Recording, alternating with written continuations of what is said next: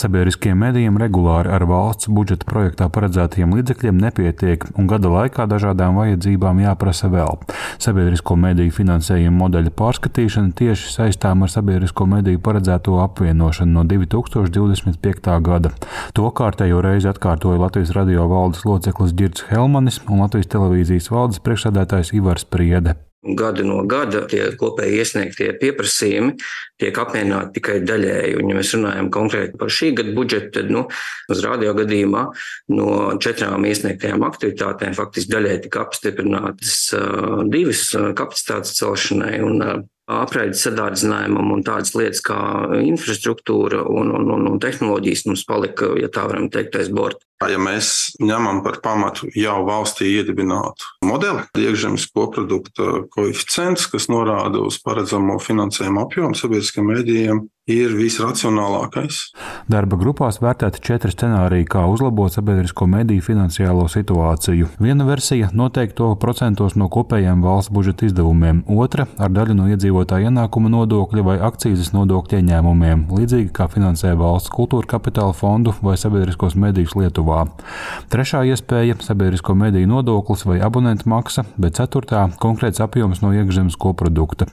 Sabiedrisko mediju finansēšana noteiktā apjomā no no valsts iekšzemes koprodukta, kā piemērotāko pieeju vērtē arī Sabiedrisko elektronisko plašsaziņas līdzekļu padome un kultūras ministrija, pielīdzinot to veidam, kā aprēķina valsts izdevumus aizsardzības pasākumiem. Padomas nolūks bija piecu gadu laikā sasniegt Eiropas Savienības valstu vidējo finansējumu līmeni sabiedriskiem medijiem, kas ir 0,16% no iekšzemes koprodukta, turpina Sepulpa vadītājs Jānis Siksnis. Finanšu ministrija uzskata, ka šobrīd ir prognozējams un stabils tas budžets. Tā tas ir, bet problēma ir, ka tas ir kroniski nepietiekams. Un arī par to neatkarību. Nu, šis ir no ABCs, tātad sabiedrisko mediju pārvaldībā, veids, kā budžets faktiski tiek apjoms tiek noteikts, ka tas ir neatkarīgs no ikgadējiem valdības lēmumiem. Un to arī Eiropas padomes rekomendācijas sabiedrisko mediju pārvaldībā, kas arī tiks iekļauts ziņojumā, ļoti skaidri pasaka. Un šobrīd tas tā nav. Tomēr scenārijiem par sabiedrisko mediju finansēšanu šādā veidā svītru pārvilka finanšu ministrs Arvils Ašarādens no jaunās vienotības. Viņš atsaucās uz satversmes tiesas lēmumu par neatbilstošu konstitūcijai atzīt augstskolu likuma normu augstākajai izglītībai un zinātnē ik gadu palielināt finansējumu par 0,25% no iekšzemes koprodukta. No tā secināms, ka likumdevējam saimai nav tiesība noteikt procentuālu apjomu no budžeta kādiem konkrētiem pasākumiem.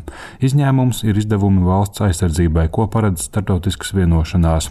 Tāpēc ministrs aicināja nesaistīt sabiedrisko mediju finansēšanu ar šādu metodiku, kādu nepiemēro arī citām valsts budžeta finansētām iestādēm. Tas nav jēdzīgi, to es gribu pateikt. Šodien pasaule ir ļoti dinamiska un mainīga, un tomēr ir jāpierāda savas vajadzības. Un attiecībā ar šo es gribu teikt, ka valstī ir neatkarīgās iestādes, satvērsmes tiesa, kurām mēs neesam noteikuši procentu, vai universitātes, kurām mēs neesam noteikuši procentu, vai, vai knāps, vai sāps, vai neviens nav nācis teikt, ziniet, nosakiet procentu, un tad mēs dzīvosim tālāk. Mēs izējām no tām vajadzībām, kādas tekošajā mirklī ir, un no tām iespējām, kādas ir valsts rīcībā. Mēs maksimāli cenšamies apmierināt to visu. Apzinoties vajadzību stabilizēt sabiedrisko mediju finansējumu, Ašerādens plāno uzdot nodokļu revīzijas grupai izvērtēt atsevišķu sabiedriskā mediju nodokļa vai abonentu maksas ieviešanas iespēju. Šī darba grupa pašlaik izstrādā iespējamās izmaiņas citos nodokļos turpmākajiem gadiem, un tai ar piedāvājumu būs jānāk klajā augusta beigās.